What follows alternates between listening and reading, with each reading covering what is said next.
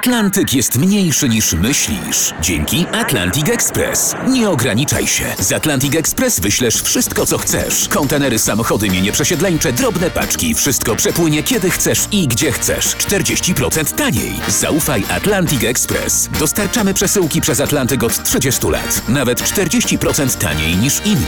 Dzwoń 1 800 775 73 63. Ekspresowo przez Atlantyk. Tylko z Atlantic Express. Misja specjalna w RMFFM. Spokojnie, to tylko ćwiczenia. Putina zabawy z Ukrainą. Dwaj dziennikarze Washington Post, Shane Harris i Paul Zona, dotarli do niepokojących informacji wywiadowczych, według których Kreml już na początku przyszłego roku planuje wielofrontową ofensywę na Ukrainie z udziałem około 175 tysięcy żołnierzy. Wyciek takich informacji oczywiście nie był przypadkowy. musiał dać na to zgodę dyrektor CIA po porozumieniu z prezydentem Joe Bidenem i najważniejszymi decydentami rządu Stanów Zjednoczonych. Ale po co zdecydowano się na taki krok? Czy administracja prezydenta Bidena nie chce obnażyć przed całym światem agresywnych zamiarów prezydenta Putina? Tak to w każdym razie wygląda. Gra o pokój na Ukrainie, a być może również pokój na świecie nabrała wyjątkowo wysokiej temperatury. Ukrainy należy bronić tak, jakby była sąsiadem każdego wolnego kraju na świecie. Pisał już przed sześciu laty Gary Kasparow. Oznacza to zapewnienie jej broni, która pozwoli strzec jej własnych granic oraz pomocy finansowej, by ustabilizować jej gospodarkę, którą Putin tak usilnie stara się zniszczyć. I to rzeczywiście robiły Stany Zjednoczone. Na Ukrainie pokazały się amerykańskie firmy. Doradcy wojskowi przywieźli zachodnią myśl taktyczną i sprzęt. W tym skuteczne pociski przeciwpancerne Javelin. Od 2014 roku armia Ukrainy zdążyła się unowocześnić, a społeczeństwo z prezydentem Wołodymirem Zełenskim nadal zgłasza akces do NATO i Unii Europejskiej. Nie zatrzymały, bo i nie mogły zatrzymać tego procesu naciski gospodarcze i polityczne Rosji. Prezydent Putin zrozumiał, że Ukraina wymyka mu się z rąk. Postanowił skorzystać ze sprawdzonej już taktyki i sięgnął po argumenty militarne. Najbliższej zimy okaże się, jakie będą jej owoce. Lecz y, tu pojawia się ważne pytanie: y, czy Putin rzeczywiście wybiera się na wojnę? A może tylko straszy Ukrainę i NATO? Nie wiemy, czy prezydent Putin podjął decyzję rozpoczęcia inwazji. Być może to tylko zagrywka psychologiczna. Wiemy natomiast, że przygotowuje do inwazji armię, a my musimy przygotować się na wszelkie nieprzewidziane okoliczności. Mówił sekretarz stanu Antony Blinken na spotkaniu ministrów spraw zagranicznych NATO w Rydze. Nie uspokoił dziennikarzy i polityków również minister spraw zagranicznych Rosji Siergiej Ławrow. Powraca koszmarny scenariusz konfrontacji wojskowej. Dodajmy do tego jeszcze opinię Fiony Hill, eksperta do spraw Rosji. Dla Putina nigdy dotąd nie było bardziej sprzyjającego momentu do ataku na Ukrainę. A ukaże się obraz poważnie niebezpiecznej sytuacji. Tymczasem rzecznik prasowy prezydenta Putina Dmitrij Pieskow wielokrotnie zaprzeczał, że Rosja planuje wojnę z Ukrainą. Przemieszczanie się naszego sprzętu wojskowego lub jednostek wojskowych przez terytorium Federacji Rosyjskiej to wyłącznie nasza sprawa.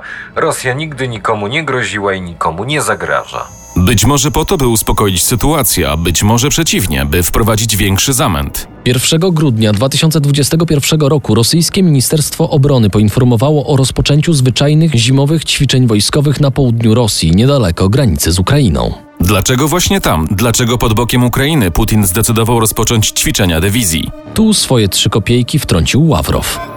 Ze strony Ukrainy obserwujemy próby prowokacji i wciągania Rosji w jakąś akcję bojową. Bardziej konkretnie ujął to popularny dziennikarz telewizji rosyjskiej Władimir Sołowiow. Ukraina prowokuje separatystyczne republiki do podjęcia środków odwetowych, co oznacza wielką wojnę.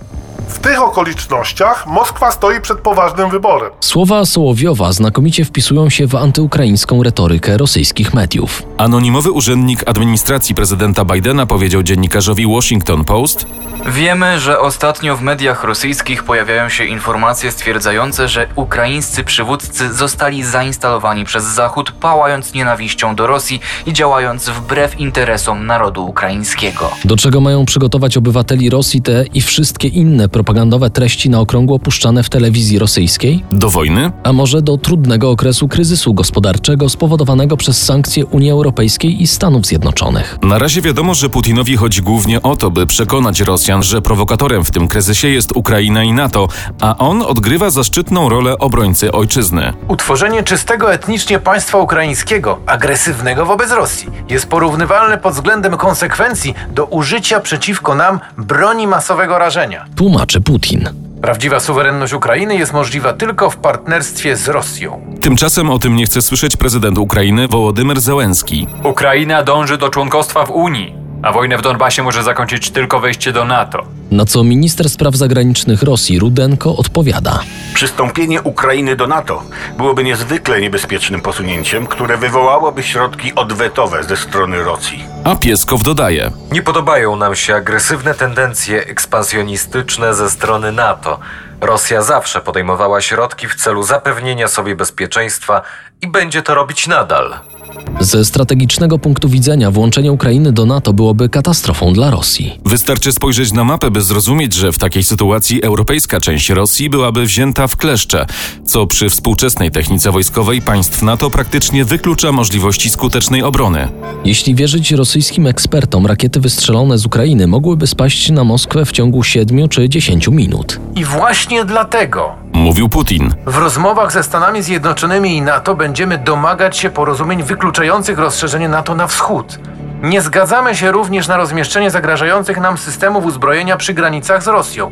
Nie chcemy dla siebie żadnych szczególnych warunków. Rozumiemy, że wszystkie ustalenia powinny uwzględniać interesy Rosji i państw euroatlantyckich.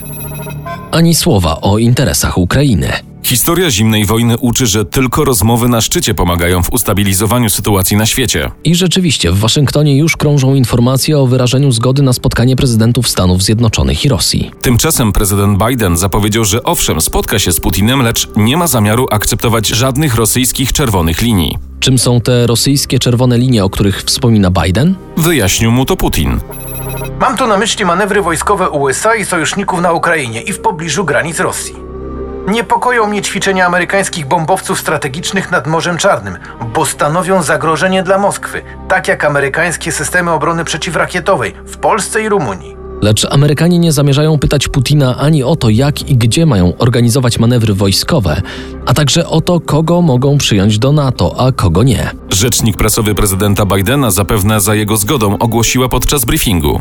To kraje członkowskie NATO, a nie Rosja, decydują, kto jest członkiem NATO. Tak ten proces zawsze działał. I na to liczy prezydent Ukrainy Zełęński. Tymczasem prezydent Biden stonował te nadzieje. Ameryka wspiera Ukrainę, ale decyzje o poszerzeniu muszą podjąć wszystkie państwa NATO. Ukraina czeka przed drzwiami NATO od 13 lat i nie może się doczekać, aż ktoś je wreszcie otworzy. Nie pozwalają na to jednak Niemcy i Francuzi. Oba te kraje przyznają wprost, że nie chcą prowokować Rosji. Można się zrzymać na te decyzje, można mówić o tchórzostwie Niemców i Francuzów, a można też sięgnąć do historii i przypomnieć sobie, że decyzje polityczne zależą od siły argumentów kontrpartnerów. Pod koniec II wojny światowej premier Churchill niechętnie przystał na wejście Armii Czerwonej do Polski i Niemiec, ale nie miał wyjścia. Brakowało mu argumentów militarnych i ekonomicznych, by postraszyć Stalina, przeciwstawić się naiwnemu Rooseveltowi. My, Polacy, musieliśmy czekać na wycofanie się Rosjan 45 lat i następne 9 na wejście do NATO. Ile będą czekać Ukraińcy? Jedno czy dwa pokolenia? Na to pytanie nie odpowiemy w tym odcinku misji specjalnej. Wiemy natomiast, że tak jak w przypadku Polski odbyło się to w czasie gospodarczego i politycznego upadku Związku Radzieckiego, tak i Ukraińcy muszą czekać na gospodarczy i polityczny upadek Rosji. Innej drogi nie ma. A wojna tej sytuacji nie rozwiąże i będzie niekorzystna dla obu stron. Dla Ukrainy, bo pewnie tę wojnę przegra, i dla Rosji, bo pewnie popadnie w głęboki kryzys ekonomiczno-społeczny w wyniku poważnych sankcji państw euroatlantyckich. Czy ofiarą tej wojny i kryzysu będzie prezydent Putin, to już zależy od prężności opozycji w Rosji. Tymczasem w poważnych mediach zachodnich pojawiły się informacje, że Ukraina może liczyć na pewne wsparcie państw NATO. Już w listopadzie minister obrony narodowej Wielkiej Brytanii zapowiedział wysłanie na Ukrainę sił specjalnych w sile 600 żołnierzy. Również o konkretnym wsparciu militarnym dla Ukrainy mówiono w Paryżu i Berlinie. Amerykańskie okręty wojenne regularnie patrolują Morze Czarne ku wielkiemu gniewowi Rosji. Jaka będzie rola tych nielicznych zapewne oddziałów? Raczej symboliczna. Choć trzeba pamiętać, że 600 operatów znakomitej brytyjskiej jednostki SAS zrzuconych za liniami wroga może Rosjanom rozmontować front, a w każdym razie bardzo utrudnić ofensywę. A jednak mimo tych zapowiedzi według New York Timesa większość analityków uważa, że nawet w najgorszym scenariuszu Kijów nie powinien oczekiwać odsieczy armii USA. Na stronach magazynu Foreign Affairs napisano: Stany Zjednoczone powinny zadbać o to, by nie utrzymywać ukraińskiego przywództwa w złudzeniu, że otrzyma wsparcie. Ono nigdy nie nadejdzie. Jeśli Rosja zacznie ofensywę, NATO nie podejmie działań zbrojnych przeciwko niej. Mówił Steven Pfeiffer, były ambasador USA na Ukrainie. Ale na pełną prognozę rozwoju sytuacji pokusił się ekspert od stosunków międzynarodowych Samuel Charab. Rosjanie wiedzą, bo już od siedmiu lat atakują Ukrainę, że nie wyślemy 82. Dywizji Powietrzno-Desantowej. I sądzę, że wkalkulowali sobie w ryzyko wszystkie pozostałe konsekwencje, w tym sensie, że gotowi są zapłacić za inwazję wysoką cenę. To powoduje, że sytuacja jest tak diabelnie trudna, nie ma z niej dobrego wyjścia. Zachodnie reakcje, jakie przewiduje Moskwa, obejmą sankcje wobec Rosji i dalszy eksport broni ofensywnej na Ukrainę. Ale nic więcej. Dodawał kolejny już ekspert. A sekretarz stanu Antony Blinken potwierdził, że zapewne skończy się na dotkliwych sankcjach ekonomicznych. Działania Rosji będą miały poważne konsekwencje ekonomiczne. Bardziej tajemniczy był prezydent Biden. To, co robię, to składanie tego, co uważam za najbardziej wszechstronny i znaczący zestaw inicjatyw, które bardzo, naprawdę bardzo utrudnią panu Putinowi pójście naprzód i zrobienie tego, co ludzie obawiają się, że może zrobić. Tymczasem Ukraina znalazła się w niekomfortowej sytuacji, może tylko czekać, co zrobi Rosja. Wzywamy Ukrainę, aby nadal zachowywała powściągliwość, ponieważ rosyjska strategia zakłada wykorzystanie prowokacji jako pretekst do agresji. Tłumaczył sekretarz stanu Blinken. Szczegóły ewentualnej inwazji starają się przewidzieć analitycy CIA i armii amerykańskiej. Rosja przeprowadzi inwazję na znacznie większą skalę niż to miało miejsce w 2014 roku. To może być wojna na wielu frontach, ale celem nie będzie zdobycie terytorium, a raczej rzucenie Kijowa na kolana, tak jak to było w przypadku Gruzji w 2008 roku. Co w tej sytuacji ma zrobić prezydent Zełeński, Stany Zjednoczone i NATO? Samuel Cherab przekonywał, że Stany Zjednoczone w obliczu ograniczonych możliwości zaszachowania Putina powinny wytłumaczyć Ukraińcom, w jak trudnym położeniu się znajdują. Powinni wdrażać istniejącą od 2015 roku umowę pokojową, znaną jako porozumienie Mińsk II. Widzę to jako gest, symboliczny pierwszy krok w celu rozładowania napięcia i no, przerzucenia na Moskwę odpowiedzialności za deeskalację konfliktu. Zupełnie inne zdanie ma generał Ben Hodges, były dowódca armii amerykańskiej w Europie. Waszyngton powinien zastosować dyplomatyczną, gospodarczą i militarną presję na Moskwę. Wierzę, że Rosjanie naprawdę szanują tylko siłę. Który z nich ma rację? Jeśli oferujesz ustępstwa, Tłumaczy amerykański dyplomata. to czego uczysz Rosję i Ukrainę? Uczysz ich produkowania kryzysów, bo w zamian dostają ustępstwa polityczne. Ale czy istnieje inna rozsądna droga? Reakcja administracji Bidena na kryzys ukraiński z pewnością będzie uważnie obserwowana w Chinach. Dlaczego właśnie tam? Ponieważ polityka Pekinu względem Tajwanu przypomina pod wieloma względami podejście Rosji do Ukrainy. Oba te kraje, Rosja i Chiny, w istocie nie robią nic innego, jak tylko starają się wywalczyć i utrzymać pozycję supermocarstwa, zarówno w znaczeniu gospodarczym, jak i politycznym. Próbuje im w tym przeszkodzić, jak na razie niekwestionowany lider. Stany Zjednoczone. Trzeba spojrzeć prawdzie w oczy. Układ sił na świecie zmienia się. Rosja rozbudziła się po okresie wielkiej smuty z czasów prezydenta Jelcyna i próbuje na nowo zbudować światowy ład, zdobywając w nim własną strefę wpływów. Za punkt wyjścia nie bierze jednak autonomicznych decyzji państw takich jak Ukraina czy Gruzja, ale interes wielkich mocarstw. I to dlatego Putin chce rozmawiać z Bidenem, a nie z Zełenskim.